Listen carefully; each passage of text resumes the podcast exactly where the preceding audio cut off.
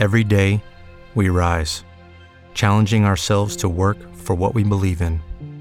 At U.S. Border Patrol, protecting our borders is more than a job, it's a calling. Agents answer the call, working together to keep our country and communities safe. If you're ready for a new mission, join U.S. Border Patrol and go beyond. Learn more at cbp.gov/careers. With Lucky Land slots, you can get lucky just about anywhere. Dearly beloved, we are gathered here today to. Has anyone seen the bride and groom? Sorry, sorry, we're here. We were getting lucky in the limo and we lost track of time. No, Lucky Land Casino, with cash prizes that add up quicker than a guest registry. In that case, I pronounce you lucky. Play for free at LuckyLandSlots.com. Daily bonuses are waiting. No purchase necessary. Void where prohibited by law. 18 plus. Terms and conditions apply. See website for details. Rap Ràdio presenta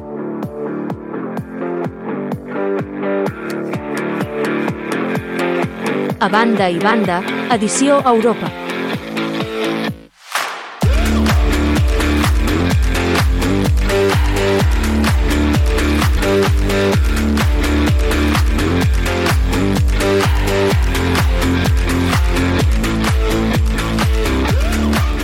Benvinguts, benvingudes. Això és A Banda i Banda, edició Europa, el programa que connecta Catalunya i el món.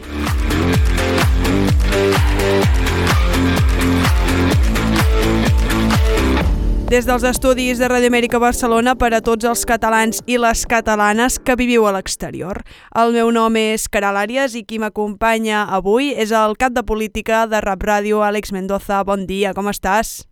Bon dia, Keral, què tal? Bon dilluns.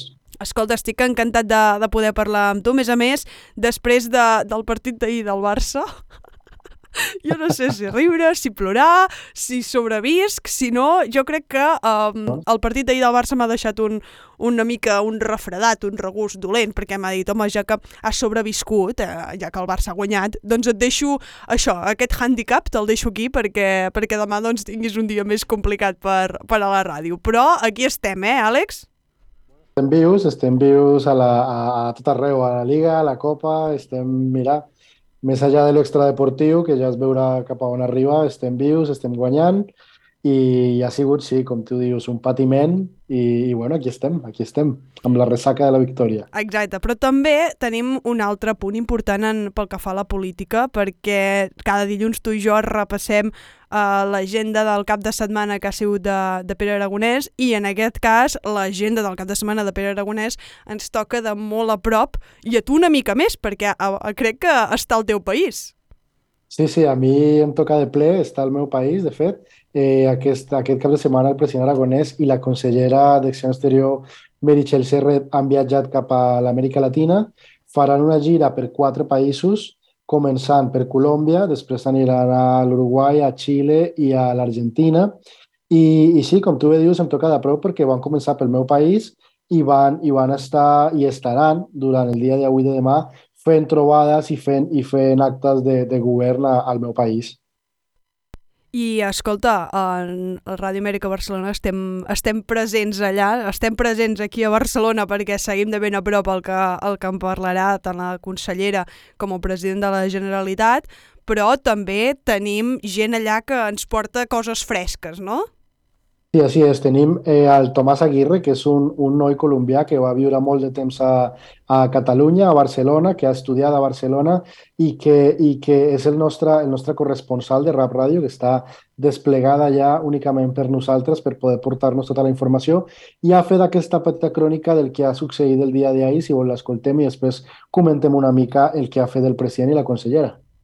El primer dia del viatge del govern català a Amèrica Latina, el president Pere Aragonès i la consellera d'Afers Exteriors i Unió Europea, Meritxell Serret, van arribar a la ciutat colombiana de Villavicencio per reunir-se amb membres de la unitat de cerca de persones no identificades de dones desaparegudes i el col·lectiu soci-legal Fals Borda. L'objectiu de la trobada és refermar el treball de l'Agència Catalana de Cooperació al Desenvolupament i el Programa Català de Protecció de les Persones Defensores i Defensores de Drets Humans a Colòmbia. El president i la consellera van visitar el cementeri de Villavicencio acompanyats de l'alcalde del municipi, Juan Felipe Harman, i les algunes persones amenaçades durant el conflicte armat, defensors dels drets humans que seran portats a Catalunya i familiars de les persones desaparegudes durant el conflicte. Des de Villavicencio, Colòmbia, Tomàs Aguirre Pinilla, Rap Ràdio. Moltes gràcies, Tomàs, per enviar-nos a aquesta crònica i, a més a més, Àlex, el govern s'ha compromet a destinar el 0,7% dels pressupostos en aquesta cooperació fins al 2030, no? Sí, això és molt important perquè fins ara eh, aquesta cooperació era del 0,21, és a dir, el 0,2, no?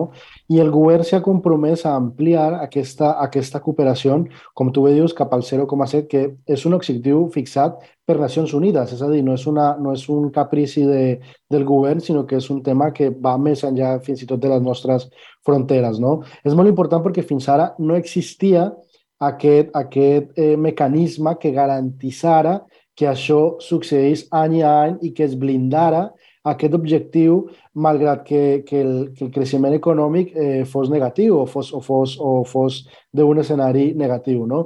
Aleshores, eh, ho ha fet a Colòmbia, jo crec que no és casual. Eh, eh, Colòmbia és un dels països més importants a l'hora de la cooperació eh, i és un dels països més importants per Catalunya, entre altres raons perquè eh, la població migrant a Catalunya en su, en su, en su alta eh, proporció eh, són colombians. És una població molt activa en temes de, de pau i de drets humans. És una població que ha estat eh, molt del costat dels catalans des de, des, de, des de fa molt de temps. Fa molt de temps que els catalans han anat a Colòmbia, no, no només en temps de la Guerra Civil, sinó fins i tot més enrere. N'hi ha, una, ha un vincle molt fort Eh, per no anar més lluny, a Bogotà hi ha un, un, una cosa que es diu el Cerro Tutelar, que és la, la, la muntanya que envolca ja Bogotà. Bogotà està envolcada de, de muntanyes i una d'aquestes es diu la muntanya de Montserrate. I, al, I a sobre d'aquesta muntanya, a la part alta d'aquesta muntanya, n'hi ha un santuari i n'hi ha una verge de Montserrat que, que han enviat des del Santuari de Montserrat de Catalunya. És a dir, n'hi ha una, una comunicació molt estreta des de fa molt de temps entre els dos països Eh, Colòmbia ha rebut prop de 14 milions d'euros en ajudes per part de, del govern català i ha sigut un dels garants del procés de pas i crec que això és el que anava a veure el president a, en aquesta visita, no? Com s'han invertit aquests diners, en què s'estan invertint, com s'està gastant aquests diners, que al cap i a la fi és diners dels catalans, que se destina a acció, acció exterior, a diplomàcia i a, garant, i a garantitzar eh, temes de drets humans, Colòmbia ha patit una guerra de més de 60 anys i eh, Catalunya ha estat molt, molt a prop d'aquest conflicte i d'aquesta diguem-ne, d'aquesta possibilitat de pau i de sortir de la guerra. No? Recordem que la taula catalana per la, pau, eh, per la pau eh, és un organisme que té més de 20 anys d'història, aleshores el lligam entre la pau de Colòmbia i la política catalana sempre ha estat present i ara és un moment en el que, en el que se, es fa més que, més que patent aquesta cercania i, aquesta, i aquest aproperament per part de la Generalitat cap a, cap a Colòmbia. Clar, a més a més, eh, Aragonès i Meritxell Serret han aprofitat també per reunir-se amb l'ONG Falsborda, que treballen en la recerca de persones desaparegudes que podrien arribar a afectar a Colòmbia a 86.000 persones. I, a més a més, eh, això que deies, eh, l'Aragonès també eh, ho ha remarcat aquí a Catalunya perquè la desaparició de persones durant la Guerra Civil van ser més de 20.000 persones que van desaparèixer. Per tant, estem parlant d'un volum de persones que, que no és poca cosa, que, són, que és molta gent en la qual està afectada per aquest tipus de conflicte. Per això el president aragonès va viatjar justament a Villavicencio, al departament del Meta, perquè és eh, el, el segon lloc on més desapareguts hi ha on més desapareguts estan registrats a, a Colòmbia. No? Eh, I això té que veure també amb la manera com la cooperació catalana treballa a Colòmbia. No? Treballa en tres eixos, en l'eix de cultura per la pau i garanties de no repetició dels fets violents, en la, en la defensa, valga la redundància, dels defensors i defensores de drets humans i en termes de violències masclistes.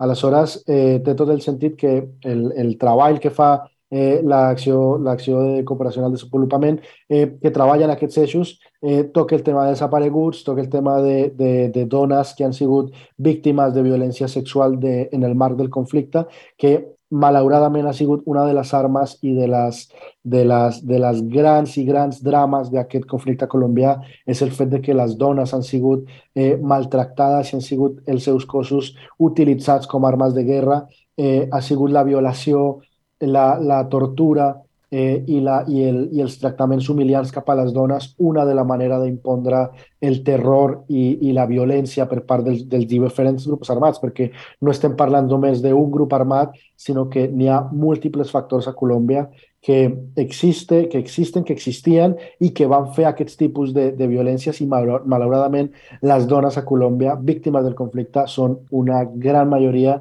i han patit molt aquesta, aquesta lacra. Um, Àlex, ara mateix el president de la Generalitat i la consellera estan a Colòmbia, has comentat que ha a Uruguai, a Xile, a Argentina, per tant, al llarg de la setmana anirem seguint amb ells uh, aquest viatge per, per saber doncs, com, com els hi va tot plegat, no?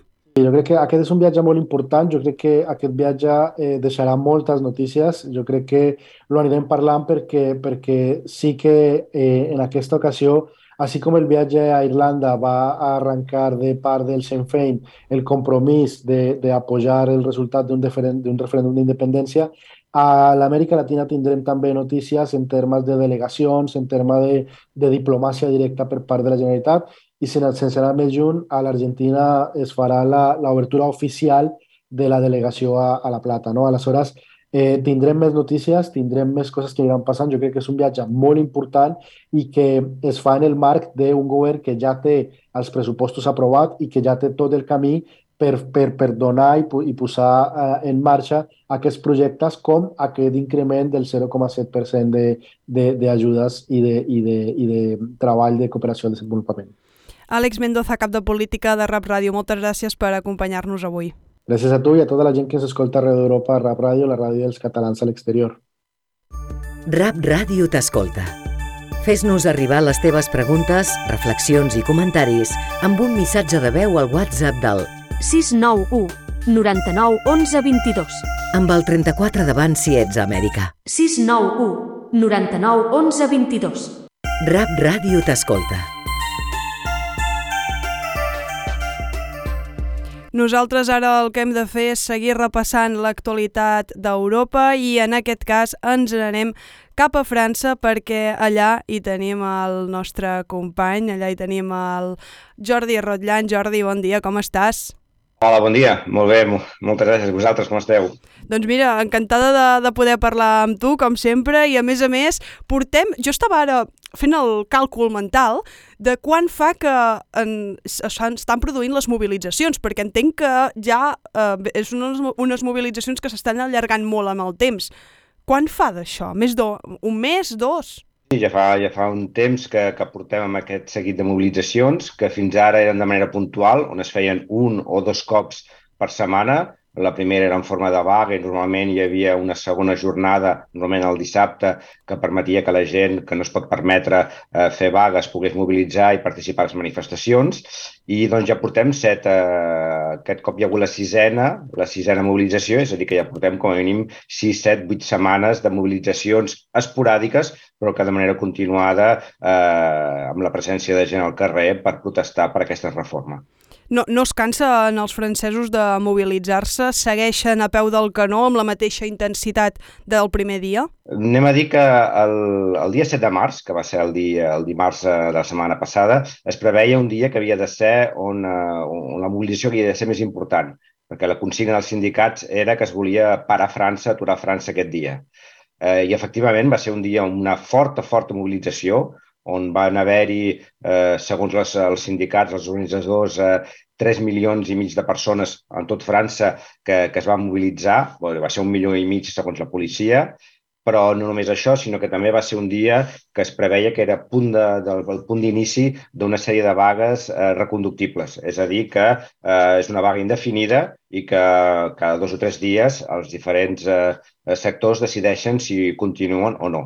En aquest sentit, la, els transports estan molt pertorbats, sobretot a la regió de, de París, eh, la, també tot el que és la, la xarxa de transports entre les diferents ciutats amb el, el que seria la SNCF, l'equivalent de, de la Renfe, eh, però també estan a, a mobilitzats els sectors de l'energia, eh, doncs, amb, per exemple, amb la producció d'electricitat de, o la distribució de gas, o les refineries, que intenten doncs, bloquejar el que seria la distribució de, de, de la gasolina per, doncs, per intentar bloquejar tot que és, tot el que és el país. Doncs, veritablement va ser el punt de partida aquest dimarts 7 de març, que es va enllaçar amb el dia 8 de març, el dia, eh, el dia Internacional dels Drets de les Dones, on una miqueta també es va intentar, doncs, com cada any, eh, ser la vitrina de totes les, les diferències que hi ha entre, entre les dones, sobretot en el mercat laboral, però també enfocat en el que és el tema de les pensions, ja que en aquest cas es considera que les pensions de les dones són un 40% inferiors a la dels homes, en import. Doncs es va intentar orientar així. A més a més, eh, això, eh, que la setmana passada estava marcada per aquesta setmana de, de la dona, el fet de que a França doncs, hi hagin aquestes mobilitzacions per la reforma de les pensions es va sumar aquesta mobilització per la de les dones, no? que, que es manifestaven per, per als drets de les dones, però també també amb motiu de, de de les pensions, doncs aquesta desigualtat salarial que hi ha per elles, no? perquè la situació ho has dit, un 40% menys respecte als homes. És una bestiesa, això. With the Lucky Land slots, you can get lucky just about anywhere. This is your captain speaking. Uh, we've got clear runway and the weather's fine, but we're just going to circle up here a while and uh, get lucky. No, no, nothing like that. It's just these cash prizes add up quick. So I suggest you sit back, keep your tray table upright, and start getting lucky. Play for free at LuckyLandSlots.com. Are you feeling lucky? No purchase necessary. Void where prohibited by law. 18 plus terms and conditions apply. See website for details. Sí, sí, efectivament. I aquí a França estem molt present, eh, eh, com, com veig també a la política espanyola, que també és una, un, fet, eh, un fet que estem molt present. La velocitat, la societat, almenys en els països que ens envolten, sembla que evoluciona, però bueno, encara queda molt camí, molt camí per recórrer. Pel que fa a aquesta reforma de les pensions, quines són ara les següents etapes que, que hi ha previst? A veure, fins ara, diguéssim que hi ha, això passa a dos nivells, al nivell del carrer, de les mobilitzacions, on hem parlat d'aquesta del dia 7, eh, la del dia 8. Eh, hi, haver hi va haver-hi també una el dissabte, una manifestació on va haver-hi menys participació, i ara la propera data serà la del 15 de març.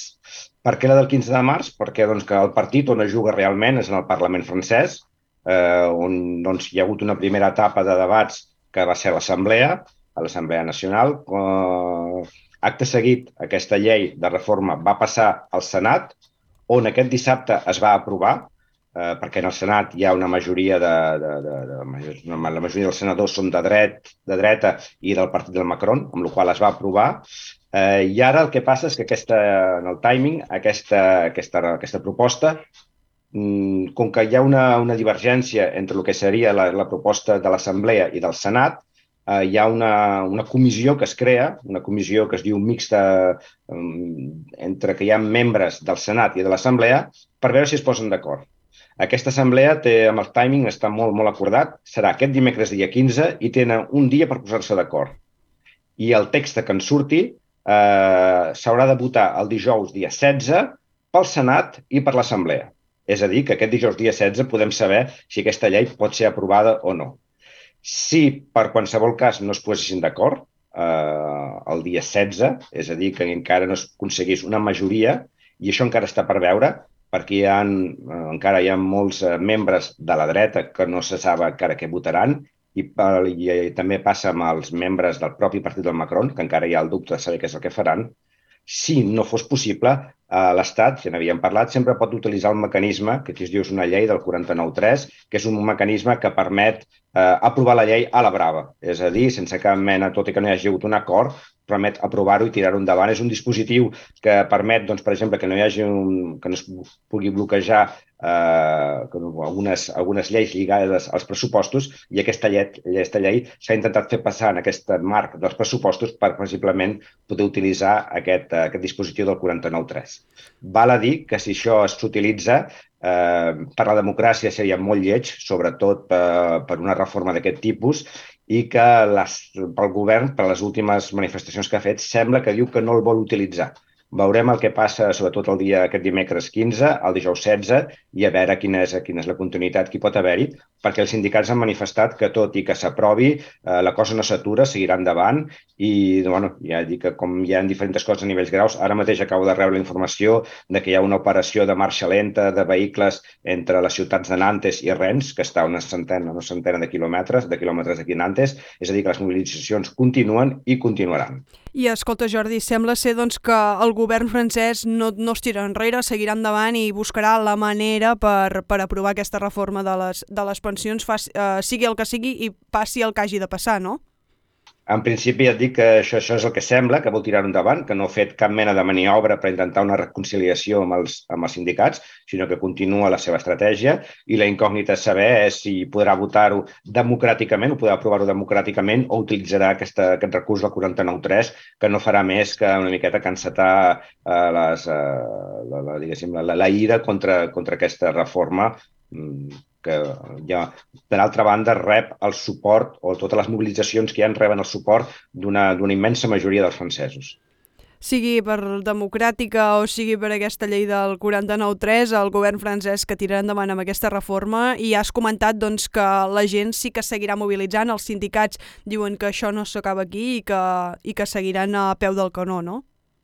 Exacte. La, la, les mobilitzacions no s'aturaran, eh, que si, la, si aquesta, aquesta reforma s'aprova d'una manera o de l'altra, la, si s'aprova, les mobilitzacions continuaran. Veurem a veure quin, de quina manera, perquè amb la llei aprovada no sabrem exactament què pot continuar, però caldrà seguir molt atentament la, les peces que pugui moure els sindicats i el govern. No sé si aquestes mobilitzacions està afectant a, a altres àmbits, perquè entenc doncs, que el, el sector està molt paralitzat i, clar, no sé si està, fe, està afectant d'alguna manera en el tipus del, del preu dels carburants, amb el tipus d'energia, amb el tipus de, de matèries primeres. Això està passant factura al, al país d'alguna manera o altra? Puntualment, probablement, hi ha moltes estacions, de, de, de, moltes benzineres que s'estan quedant sense, sense benzina perquè hi ha l'efecte de saber que es bloquejaran i molts particulars van, van omplent el dipòsit i això és el que crea realment que no hi hagi benzina. I després totes aquestes mobilitzacions que hi han estratègicament a el que és amb la secció de les energies i la producció d'energia o fins i tot amb la recollida d'escombraries. Aquí mateix en el centre de Nantes eh, les escombraries es comencen a muntegar perquè també hi ha, hi ha la, la vaga de tots els, els, els, la recollida d'escombraries i que els sindicats bloquegen tot el que són els punts de sortida d'aquesta recollida. Amb la qual aquesta, aquesta mobilització no es veu puntualment, però és veritat que ara que ja comencem a portar diversos dies de que en diferents sectors hi ha una mobilització constant, es comencen a veure en el carrer, com dic, amb, el, amb les benzineres o bé amb la recollida d'escombraries. Doncs seguirem sempre de, de ben a prop, Jordi, el que estigui passant a França amb aquestes mobilitzacions, perquè ja, com has dit, ja portem unes quantes setmanes uh, parlant del, del tema i sembla que el govern francès ho seguirà tirant endavant. Per tancar, Jordi, uh, teniu alguna activitat prevista del casal?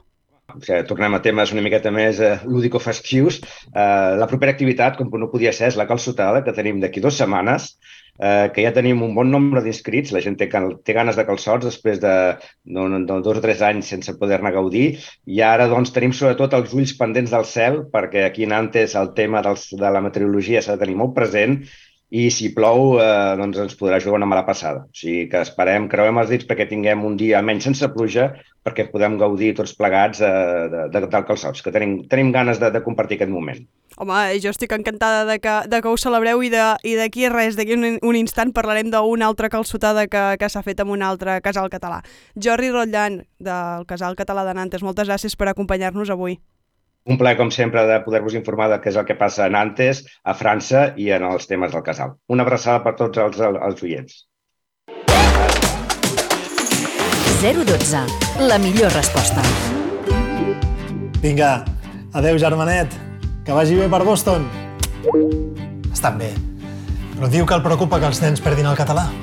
El mig milió de catalans i catalanes que viuen a l'estranger tenen un nou portal de serveis pensat per a ells cursos de català, targeta sanitària, colònies d'estiu per infants i molts més. Perquè la Catalunya exterior també som Catalunya. Ja t'has mirat el portal que et vaig enviar? Que quan vingueu vull que els meus devots m'entenguin, eh? 012. La millor resposta. Generalitat de Catalunya. I nosaltres ara el que hem de fer és anar cap a Àraba, al País Basc, perquè allà també hi ha un casal català i per això avui tenim amb nosaltres a l'Ignasi Borràs, el president del casal, després de 30 anys com a secretari. Bon dia i benvingut a Rap Ràdio, Ignasi, com estàs? Bon dia, Caral. Molt bé, i espero que vosaltres també us veig ben eixerits. Sí, esteu, esteu encantats, a més a més, d'anar coneixent a diferents casals catalans i, a més a més, si està dins de, de la península ibèrica, encara em fa més, més il·lusió i em fa, em fa més morbo. No sé, no sé tu. Sí, certament dintre de, de lo que és l'Estat pues, eh, té un toc especial. És, ens diferenciem una miqueta dels que estan ja per Europa. Exacte, és, és, es, viu, es viu diferent, jo entenc, el, el ser català a fora de la península ibèrica, fora d'Espanya, que ser català a dins d'Espanya. Això és diferent, eh? Una miqueta, una miqueta, es nota. Segons quines coses es nota. Però una, una pregunta, i ara parlarem més del, del casal.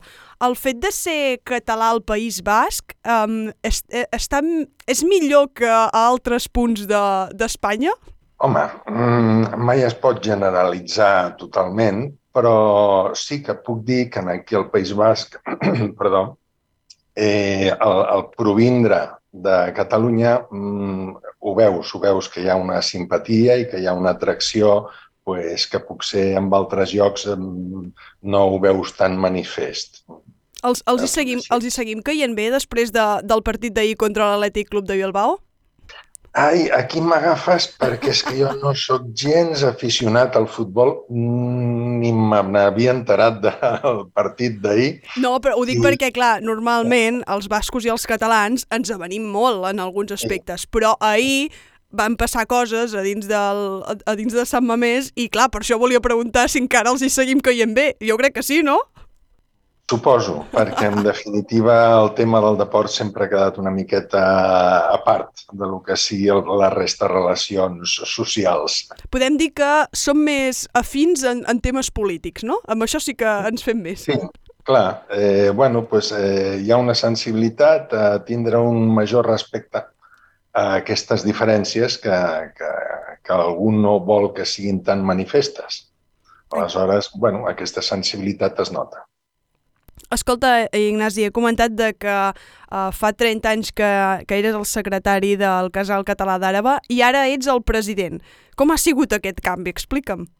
Bueno, eh, aquí a la Vitoria el casal el vam fundar en l'any 89, que ens diem així Cercle Català d'Àlava justament perquè eh, quan ens vam constituir el que vaig fer va ser trucar al Cercle de Madrid i demanar-los els estatuts i còpia i pega, o sigui, a fer alguna molt semblant a el que havia fet Madrid. I per això ens diem Cercle Català de, de Vitoria d'Àlava, com, com ells es diuen Cercle Català de Madrid. Si, si li hagués demanat els papers al casal de Toulouse, doncs ara seríem casal de, de Vitoria. És a dir, vau fer, va fer un, una, un copia i enganxa directament des d'aquí enviem una forta abraçada als nostres amics de, del Cercle Català de, de Madrid, perquè... Ah, sí, sí, sí. El, el president d'aquella llavors, eh, pues, bueno, eh, ens havia, es coneixien amb el, amb el que era el president nostre en aquell moment i, i li va facilitar els, els estatuts del seu Cercle Català de Madrid i, i jo vaig, que jo me'n tenien que encarregar de presentar tota la paperassa al govern basc, al, el registre d'associacions i el que vaig fer doncs, seguir una miqueta la, la pauta que havien fet. Això és lo, lo bonic eh? I, lo, i lo preciós, el fet de que les comunitats catalanes que, que esteu fora, que esteu a l'exterior, doncs que us uniu entre vosaltres, que us ajudeu, que coopereu i d'aquesta manera doncs, es pugui eh, crear aquest cercle català-àraba tam també com el que hi ha a Madrid o com el que hi ha a Tòquio, com el que hi ha a Argentina, no?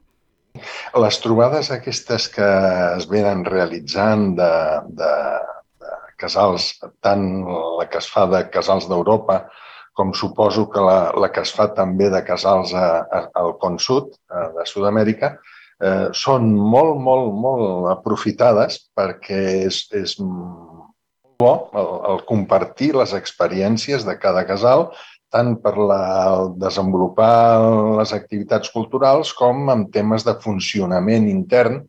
I, bueno, eh, és molt positiu, això de les trobades i conèixer com està... Ara, per exemple, el Jordi, que estava parlant, que ens hem vist en alguna d'aquestes trobades, eh, doncs, bueno, eh, sempre el tindre aquest contacte personal que, que, que anem realitzant facilita molt i incrementa eh, les, les possibles activitats que, que organitzem cada casal. Sabem aquesta relació i aquest lligam que hi ha entre les altres comunitats catalanes, però a dins del País Basc, quina relació teniu amb altres organitzacions o altres associacions? També hi ha aquesta cooperació conjunta? Eh, en el seu moment, quan hi havia Casal Català a Donosti, per exemple, sí que manteníem una, uns contactes i una relació i per veure si es podia fer alguna cosa conjunta en alguna ocasió, però eh, malauradament aquell casal va desaparèixer durant un temps. El que sí m'han dit, i ja s'ha posat en contacte amb mi, és que hi ha un, un nou eh, membre eh, actiu en el, a la comunitat catalana de, de Donosti i que probablement eh, en breu, si és que no està ja registrat, eh, torna, tornarà a estar en actiu al casal de, de Donosti. Ai, com m'agrada aquestes notícies que, que em doneu, eh? Ja ens posarem en contacte, home, amb el casal català de Donosti perquè ens ho han d'explicar, això.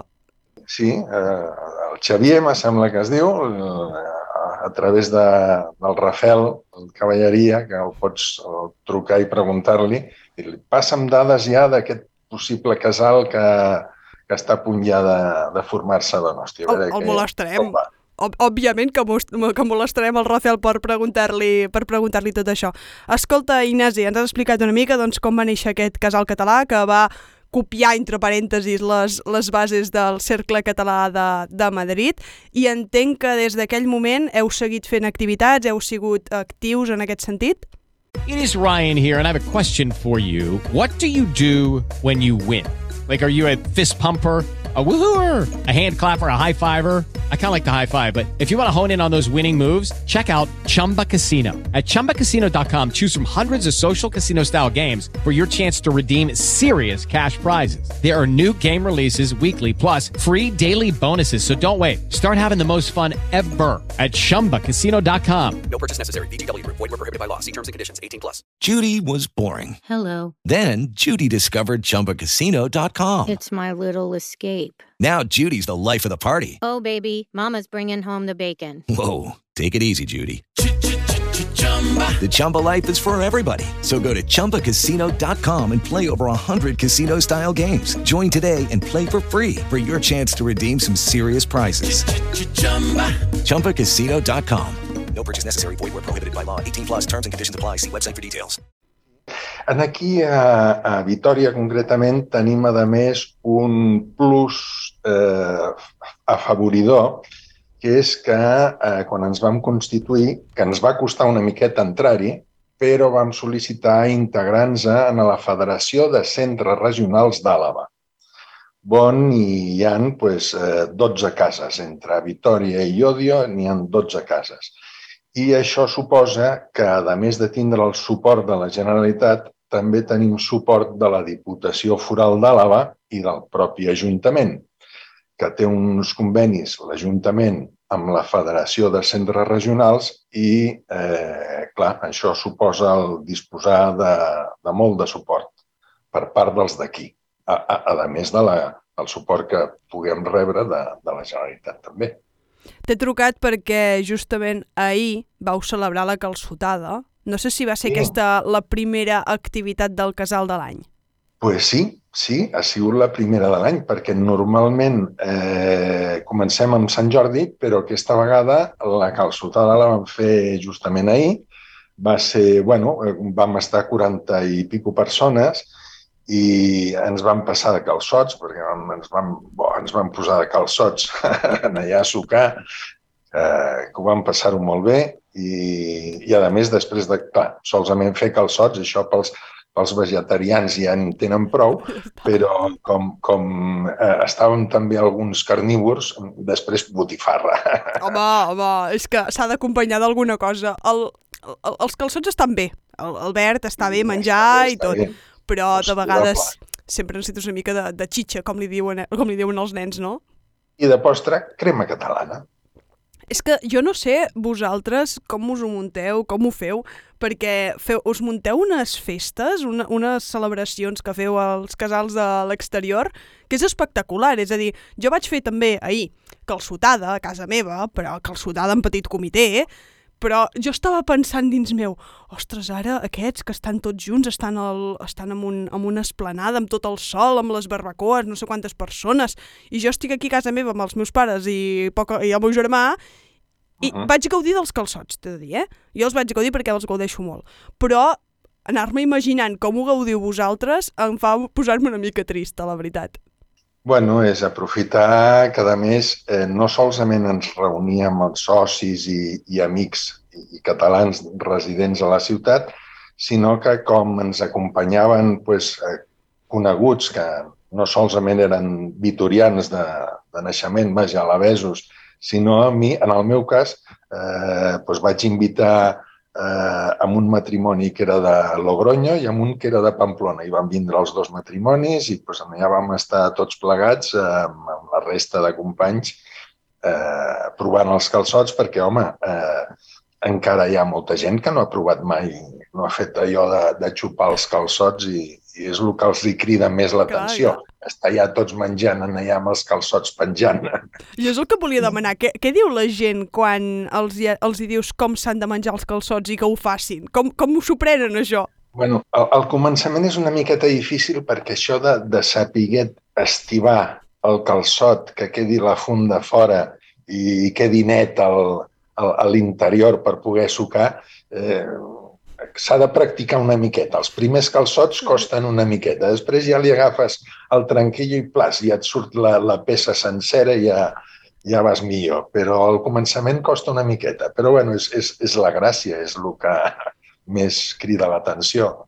Com uns, ens posem tots en allà a, a menjar el calçot així a l'aire. Exacte, exacte. Escolta, Ignasi, aquesta ha sigut la primera activitat de, de l'any del casal, has dit, però no sé si teniu algunes programades ara ja a la vista. Sí, eh, a l'estar integrats dintre de la Federació de, de, de Centres Regionals d'Àlava, una activitat que es, es ve celebrant des de fa 37 anys, aquest any serà el 37 au, eh, que és el Festival de les Comunitats, en el qual les vuit cases de Vitoria, després n'hi ha quatre més a Iodio, les vuit de Vitoria, amb un cap de setmana que en aquest cas aquest any serà el 17 i 18 de, de juny, eh, actuen eh, un grup folclòric, normalment de danses, però també a vegades és de música, un grup folclòric de cada casa, i es fa a la plaça més concorruda, o sigui, més ampla i més adient per poder-ho celebrar de la ciutat, oberta al públic, que té unes grades molt grans al voltant i s'omple de gent, i llavors doncs, van actuant diferents grups. L'any passat, per exemple, nosaltres vam portar a l'Esbart d'Ensaire de Manresa. Altres anys doncs, han vingut a l'Esbart d'Ensaire de Barcelona, eh, de Vilanova, eh, anem portant grups. Aquest any, per exemple, ens vindran a actuar el grup que ara està en auge, està pujant, eh, del Julibert, no sé si els coneixes, el Julibert, grup de folk, eh, vindran a actuar el 17 de juny aquí a, a Vitoria. Home, eh? Després... quina alegria, a més a més, eh? aquest grup de música també. És que tenim una sòcia en el casal que viu, vaja, una, una casada eh, amb un vitorià. En aquí, al casal de, de Vitoria, quasi la majoria dels que som socis són matrimonis mixtes. Un és d'aquí, l'altre és d'allà, com és el meu cas. La meva dona és d'aquí de Vitoria i, jo sóc de Barcelona. Aleshores, eh, la majoria són matrimonis mixtes. I eh, aquesta noia, eh, que és del poble del Julibert, eh, va dir aquest any eh, vull portar-los del meu poble. Home, i a més a més fent pàtria també del poble, que això és, això és l'únic i el que agrada a tothom, no? I tant, clar. I, i bueno, jo vaig portar els de Manresa perquè també els meus, eh, la meva família és manresana. Home. I per això vaig portar els, els de Manresa, però bueno, altres anys han vingut eh, els de les Habaneres, sobretot vam estar bastants anys eh, repetint molt amb diferents grups de veneres, perquè agradava moltíssim en els que venien, com era l'activitat de la Diada, i fèiem eh, invitacions als altres centres i a les institucions, i bueno, doncs, aquí venien de, de, dels partits polítics fins i tot, de tot arreu, y sempre deia, no, no, repetid, repetid, seguid con las habaneras porque nos gustan mucho. I, sí, ells, volien, deia, ells volien dosis de habaneres i no volien sortir d'allà, eh? No volien sortir, però bueno, ara ja quan van fer el canvi ja de, de junta i de tot, la gent nova que ha entrat en la nova junta, eh, van dir nosaltres ja de les habaneres ara farem un descans, anem a buscar altres coses. I, bueno, doncs, ara, per exemple, estem pensant per aquest any a veure si tornem a portar un grup que va vindre fa sis anys ja, els, els Diables de l'Arbós, per fer uns castells, a veure si, si ho muntem. Estem, estem darrere, estem darrere, a veure si podem fer el, uns castells per la Diada a la plaça dels Furs de, de Vitoria. Home, i, i això és el que ens agrada a nosaltres, que per la Diada vosaltres també us celebreu i que organitzeu coses boniques, com és, com és en aquest cas un, uns castellers. Ignasi Borràs, des del Centre Català d'Àraba, moltes gràcies per acompanyar-nos avui. Gràcies. I fins aviat.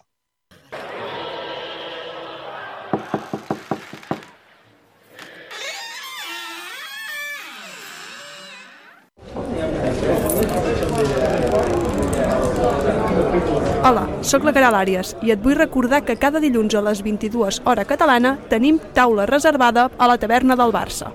Una hora de conversa, de polèmica i de debat sobre el millor club amb culers d'arreu del món. Tothom hi és convidat. T'hi espero el proper dilluns a les 10 de la nit, hora catalana, a rap.cat.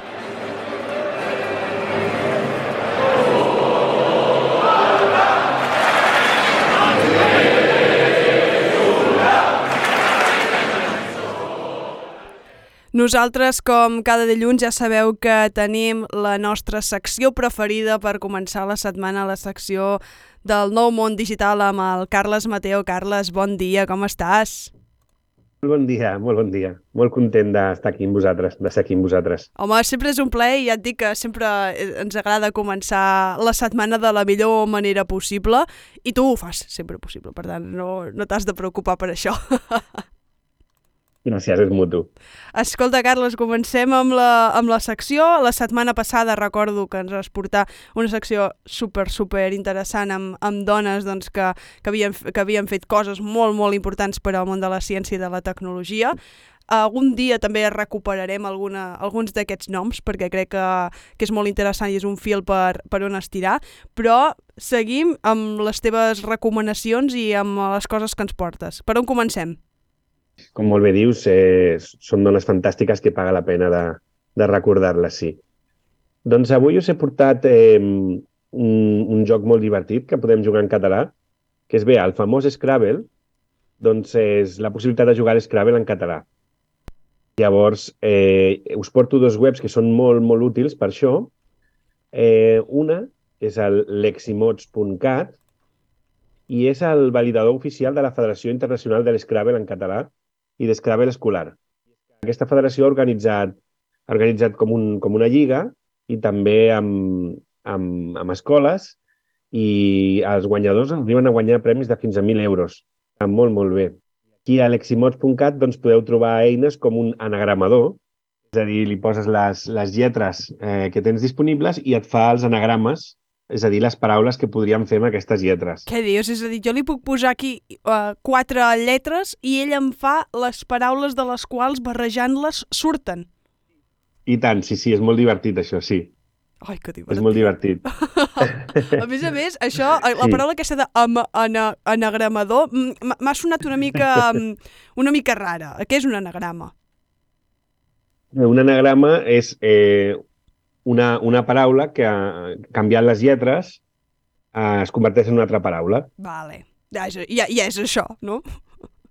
Ja és això, exacte. Llavors l'anagramador bàsicament el que fa és construir paraules amb les lletres que li donem. Vale, vale. A més a més, això també és un joc molt divertit per, per fer-ho a casa, amb els amics, de, un dia d'aquells de, de Nadal que estàs sobre taula i no saps què fer. de posar quatre lletres, o cinc, millor cinc, i has d'anar i cada una ha d'anar buscant les, les paraules i cada una ha de dir una paraula diferent. I qui falli, doncs, penyora. És així. Clar, tots aquests jocs són molt, són molt divertits. I és una bona manera de tenir, de tenir la llengua viva, no? Exacte. De, d'aprendre nous mots eh, i és una manera divertida. Es... A més, també, si no tenim la sort d'estar amb amics o família, doncs també podem jugar contra l'ordinador o contra altres persones en línia en aquesta altra web que es diu catamots.cat. Per tant, des d'allà pots... l'aplicació per... Però, però una cosa, Carles, és diferent jugar de manera virtual que, que fer-ho davant de, de les persones. És a dir, a mi el que m'agrada és divertit. jo guanyar i enriure'm del que ha perdut i tenir-lo davant. Això és lo divertit. Hi ha diverses maneres de divertir-se. No, Una per però- cada caràcter. Exacte, exacte, però crec que també aquesta altra opció de manera online també també està bé per, per sobretot en, en, en temps de pandèmia, aquells moments sí que, sí que es, necessitava, es necessitava més, però mira, si també tens eh, aquesta, aquesta altra opció que crec que també és molt enriquidora, eh? Sí, sí, és una manera divertida també i una manera de practicar perquè hi ha gent que s'entrena per després quan fan aquests concursos per, per veure si poden guanyar. Exacte, exacte, i eh, que hi hagin concursos de Scrabble en català, a mi em, a mi m'agrada. A mi m'agrada això i a més a més el que tu dius de, de que també ajuda a potenciar la llengua catalana, no? I, i que la gent també, doncs, els, els joves també en aquest cas s'animin a jugar aquest tipus de, de jocs per intentar doncs, que el català segueixi sent la llengua que és, no? I tant que sí, i tant que sí, segueixi vibrant. Escolta, Carles, canviem ara de, de qüestió i crec que vols fer un apunt pel que fa amb un joc de, de futbol online que es diu FIFA. No sé què, què ha fet el FIFA que em pugui a mi agradar. Sí, sí, sí. Volia fer aquest apunt, però no sé si que el facis tu, perquè segur que, com bona fan del FIFA, segur que en saps més que jo i tot. No, però Carles, és la teva secció, jo no te la vull treure. Avui, avui mira, avui te la deixo que ho diguis tu, va, vinga, en un altre moment la diria jo. Gràcies. Bé, pots completar qualsevol informació que, que, que vulguis afegir. Doncs bé, es- estem de bones notícies perquè el FIFA 23 ara afegirà eh, 12 eh, equips més de la Lliga Americana Nacional de Dones. I això ja ho faran el, el proper 15 de març, és a dir, ja. Llavors, és, és molt bona notícia eh, posa, permetrà jugar amb jugadores d'elit d'aquesta lliga i posa el, el futbol femení mm, a primer nivell com ho està el masculí en el joc. Ja el, el FIFA 2023 ja va, ja va ser, quan el van presentar, ja va sortir en 24 equips de la, de la Superliga mm, de dones i la Divisió 1 um, d'Anglaterra i França, primer cop que va sortir a la portada eh, una jugadora femenina, que és la, la Sam Kerr del Chelsea. Això a l'edició Ultimate, que és l'edició més, més, més cara, no? Um, ja la història aquesta ja va començar al FIFA, 2000, uh, al FIFA 16, perdó, quan per primer cop van afegir jugadores professionals femenines. Però ara podem estar a la celebració de que ja ho fan, ho fan a l'engròs. També, eh, de manera separada, afegeixen, afegeixen eh, l'opció de poder jugar a través de la, eh, la UEFA Women's Champions League, la UWCL, en, en partides eh, ràpides i, i els jocs en, en mode eh, torneig. Com m'agrada Sí que això podem- del, del FIFA, Sí. eh, Carles? És a dir, jo recordo, jo soc un, soc, fa molt eh, que no jugo ara al FIFA, però perquè, no tinc temps. Però jo sí, sempre he sigut molt seguidora de- d'aquests jocs de, de futbol en línia, no? D'aquests eh, d'aquests videojocs on potencia l'esport, ja sigui el FIFA, ja sigui el PES, i que es faci això, jo, jo ho trobava molt a faltar. Jo fa anys, quan jo era petita i jugava, m'encantava jugar amb Xavi Hernández, eh? T'ho dic de veritat. Però um, que hi hagués hagut alguna presència femenina, home, no m'hagués importat, la veritat, perquè crec que és, és necessari i, a més a més, amb el que tenim ara el Mundial a, a la vista, crec que també és important doncs, que es comencin també a potenciar doncs, el, el futbol femení, que s'inclogui en aquest tipus de, de videojocs, perquè no costa fer-ho. Ja has vist, Carles, no costa per la FIFA fer no li costa gaire, gaire res doncs, afegir 12 equips, en aquest cas més, de, de futbol femení, no? Sí, és molt important que hi hagi els referents i, a més a més, és que és una realitat. Eh, el, el futbol femení eh, està al primer nivell i, a més a més, ens agrada a tots. Vull dir, no, és que no, no hi ha un motiu per, per separar-ho i crec que és un tema de justícia doncs, incorporar-ho amb normalitat perquè al final és, és normal. El nois jugant a esport, les noies jugant a esport, és fantàstiques. I també està molt bé que les noies joves que estan creixent vegin els seus referents i vegin, ostres, és possible eh, fer esport i estar a primera, al primer nivell de competició i, i sempre, sempre ho ha estat, però, però hi havia molt pocs mitjans, estava molt, mm, com molt marginalitzat, no? Va ser hora de que es eh, deixi veure i se li doni el suport que es mereix. Exacte, exacte. I a més a més, uh, que sigui um, a l'any 2023, a mi m'arriben una mica d'esgarrifenses, no?, de que hagi tardat tant de temps en poder-se sí. doncs, posar i implementar el, les jugadores, en aquest cas, el, en aquests videojocs. Carles, ens n'anem als teus trucs de, de mòbil, no? Sí, sí. Hi ha un truc que, que vull comentar perquè és molt, molt útil i quan estem amb el mòbil a YouTube Uh, per exemple, quan estem veient vídeos, un, un exemple molt bo és un, un, un vídeo d'una recepta de cuina. A vegades durant 10 minuts hi ha, hi ha receptes molt maques, però són molt lentes, i llavors avançar-ho, eh, si es fa a través de la barreta del vídeo, és, és molt imprecís i de vegades et saltes, has d'anar enrere. Doncs, eh, amb YouTube es pot avançar d'una manera molt més precisa i molt còmoda, i amb el mòbil, si dividim la pantalla en dos, eh, i ens anem al costat de la dreta a la meitat, si fem tap-tap a la meitat dreta, el vídeo ens avançarà 10 segons. Si ho fem a la meitat esquerra, tap-tap, el vídeo retrocedirà 10 segons. A partir d'aquí, si fem tap-tap-tap, avançarà 20 segons, o si apretem quatre vegades, avançarà 30 segons, i així. Escolta, Carles, sí, això, sí, aquesta és la sí. funció, igual que si poses el YouTube a l'ordinador, la mateixa funció que tenen les, les fletxes no? Fletxetes. Exacte, sí, sí, sí, sí. Mira, no va dir, eh, amb l'ordinador també es pot fer eh, i és molt, molt pràctic. És molt, molt pràctic. Si pots avançar 30 segons, retrocedir 10 o 20 i vas exactament al lloc on vols. Exacte, perquè jo de vegades veig gent que està al YouTube i que vol avançar un vídeo i que es mata amb bus buscant el frame exacte, el punt exacte del vídeo, que jo li dic a la meva mare, mira, fes això i t'avança una mica, no?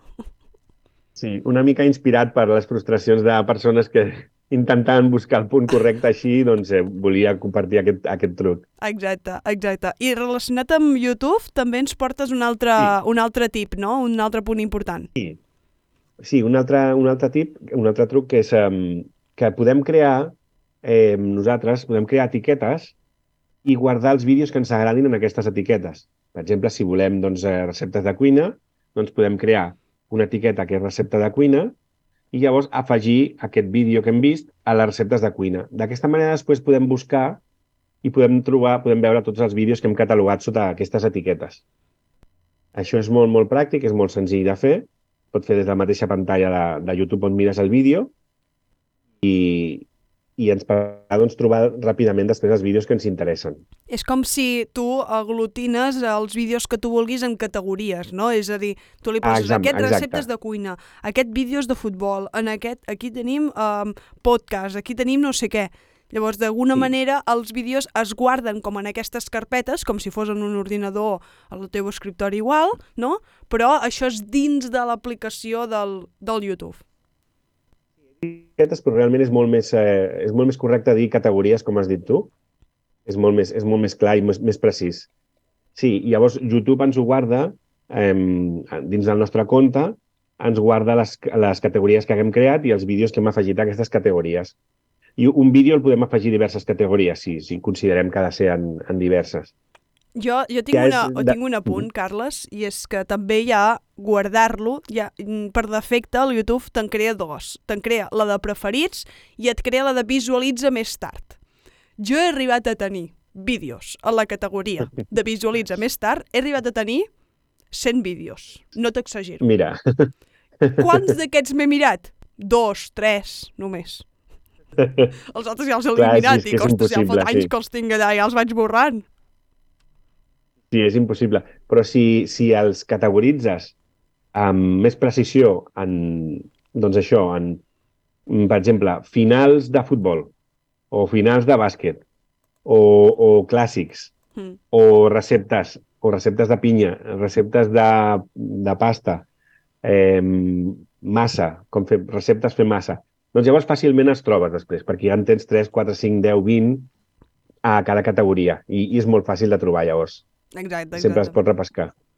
Escolta, Carles, i, i ja, per, ja per acabar, tens alguna, algun últim apunt per portar-nos? Sí, hi ha un, un tema sí que m'agrada comentar i m'agrada anar-ho refrescant, perquè és, um, és relacionat també amb el tema de les notícies. Um, Google, per exemple, Google ens, ens fa una selecció de notícies que ens poden interessar. Mm. Què passa? I molta gent ho mira, diu, va mirant, però m'he trobat amb, amb força gent m'ha dit, ostres, ha passat tal o ha passat qual. I realment això no era cert, era un bulo. I una mica el que volia explicar és el truc de quan veiem una notícia és mirar la font. Mirar la font, qui està publicant aquesta notícia. Perquè hi ha, hi ha coses que són prou grosses com perquè en parlin eh, diaris de, de primer ordre o diaris els més coneguts. I si ens trobem, per exemple, que una notícia molt sorprenent ens la diu un diari que mai, que mai hem sentit, és bastant probable que això sigui un, un diari sensacionalista que només busca clics, perquè ells cobren. Ells cobren per cada cop que, que la gent es visita. Llavors, eh, no sé, per exemple, si, ara vaig a fer una exageració, però diem, si veiem una notícia que diu es detecta un alienígena um, al Camp Nou, i això ho veiem a una, a una web que, que es diu, per exemple, eh, notícies sorprenents del món. Doncs bé, ens hem de, hem de sospitar. Hem de sospitar perquè això doncs, ho podria dir un diari ara, ho podria explicar el Punt, ho podria explicar el New York Times, una notícia d'aquest calibre, però clar, ho diu una, una web que no coneix ningú i si cliquem allà probablement el que trobarem és un munt de notícies sense, sense ca- solta ni volta que l'únic que busquen és atreure l'atenció dels clics perquè cobren per clic. Simplement parar atenció a quan, quan veiem una notícia, sempre identificar la font. Els, els, qualsevol mitjà de premsa seriós sempre et cita la font també de la que han obtingut aquesta notícia. És una mica aprendre a cribar, aprendre a lidiar amb totes aquestes tecnologies que ens anem trobant ara, no? Clar, a més a més és que és una situació en la qual els meus pares quan era petits no, no, ho no s'ho trobaven, no? I de vegades a mi sí que em venen i em diuen has, has llegit això? I dic no, mira la font, mira sobretot el diari Sí. que ho publica o mira el mitjà que ho publica. Has de, s'ha de tenir molt, molt en compte tot això perquè s'ha d'intentar evitar doncs, que, que et fotin la trola en aquest sentit. Sí. Hem d'aprendre a diferenciar. Internet està molt bé, però hem d'aprendre a diferenciar el que és brossa, el que és soroll, del que realment és útil. Exacte. Aquest procés, sí, d'una mica de temps aprendre a diferenciar. És una mica truquets per anar fent-nos més hàbils en filtrar el que és soroll o brossa del que són notícies autèntiques. Carles, moltes gràcies per acompanyar-nos avui en una nova secció del Nou Món Digital i ens retrobem la setmana que ve. Que vagi molt bé. Un plaer, que vagi molt bé. Nosaltres el que hem de fer és deixar aquí una nova emissió de l'edició de Banda i Banda d'Amèrica. Ens retrobarem demà a les 11 del matí, hora catalana. Sabeu que tenim la reemissió a les 3 de la tarda i a les 4 comença l'edició Amèrica amb la Maria Lesnichewski, el Rodrigo Alves des de Brasil i també amb l'Àlex Mendoza que portaran tota l'actualitat del que estigui passant amb la visita de Pere Aragonès i de la consellera Meritxell Serret al, a l'Amèrica Llatina. Us seguirem de, de ben a prop, ja sabeu aquí a Rap Ràdio. Nosaltres ens retrobem aquest vespre, sí, al programa de la taverna del Barça. Que vagi molt bé.